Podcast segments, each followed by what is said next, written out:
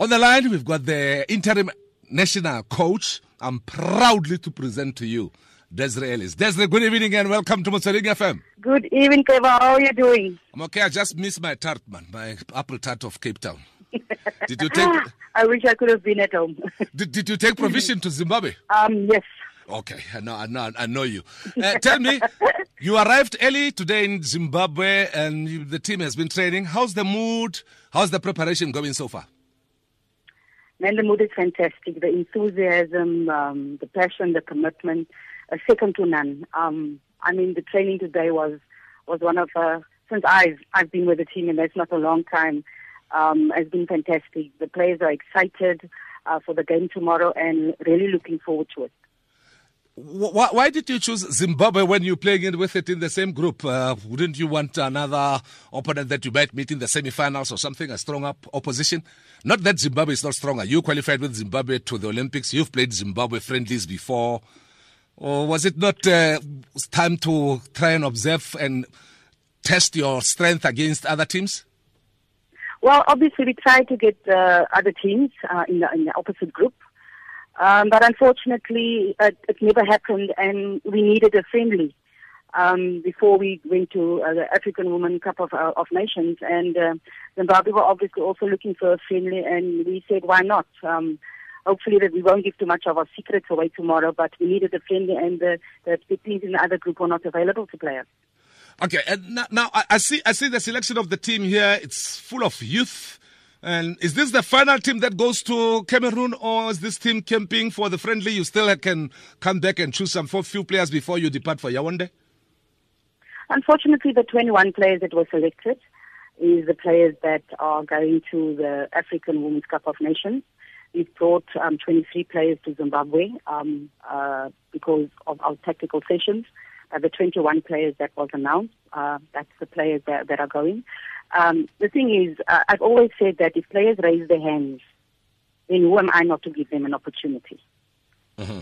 And I mean, Mokolang Motao, number one, she's the under 20 captain. She's raised her hand. I cannot say no to someone that has raised their hand. Um, and I have to, have to, the team has to continue evolving all the time, and we try to keep the best of experience and the best up and coming youth players together, and hopefully we can get a, a good mix a good mix in, in, in the team dynamics and uh, and get the results that we want. Uh, uh, uh looking at this team, it's uh, uh, basically most of the core teams that went to the Rio Olympics. You're still keeping the shape. You're still keeping the same players. Are you? And, and then this tournament, the, the, the Africa Cup of Nations that you're playing, the, it's already the qualifiers for the World Cup. No, actually, it's not the qualifiers for the World Cup. The qualifiers for the World Cup is in 2018 because the World Cup is in 2019. Every every alternate year is just a normal Africa Cup of Nations. We've already inquired about that, and it's definitely the 2018 one that will be held in Ghana in 2018 that will double up as a World Cup qualifier. So it was good to uh, put some youth in to give them the experience going forward coming to, to, to, to, participation, you know, there's, there's, there's been a call for, for, for South Africa that we need a women's league. We need a professional wing, just like netball as a professional wing, the men's football as a professional wing that plays week in, week out. For this team to develop, uh, those were the words of the, the, the, the, the former coach, Veronica Power, when he left. He said, unless you get streamlined and get these PSL teams to have women football and people of South Africa to open up, to have a wider scope, to understand that women need to play. Football is not only for males. How far are you with that, uh, with that dream of, of us having to crisscross this country every weekend to watch women's football? Well, I, have only been in the job since the 16th of October, and uh, it's been a bit far from my mind preparing the team for the for the tournament in, in Cameroon. But I agree, we have to have strength playing against strength every week. I mean, we, we primarily an amateur team playing against professionals. Um, it's good to qualify for the big tournaments, but we don't want to go just go compete. We want to really get the results and, and, and do well. But at the end of the day, we've got to be grateful and thankful for SAFL because uh, without SAFL, I don't think there'd be women's football. You know, we have 144 teams around the country and they don't only uh, uh, sponsor um, the women's teams, but they also sponsor the national team.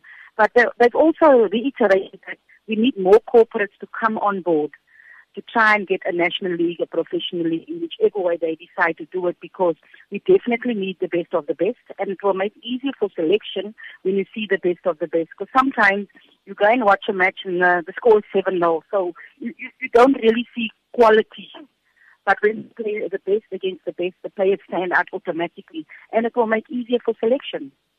I'm hoping that it happens soon because I think that will be the best thing that can happen for Banyana Banyana. Having a strong league will make the national team stronger. I, am guilty of what I'm going to call now. I'm saying to South Africans, I've been saying to South Africans, Banyana Banyana will be going out to go fly a flag of South Africa out in Cameroon. There's no hoo-ha, the hype that we need to be at the airport to see you off and whatever.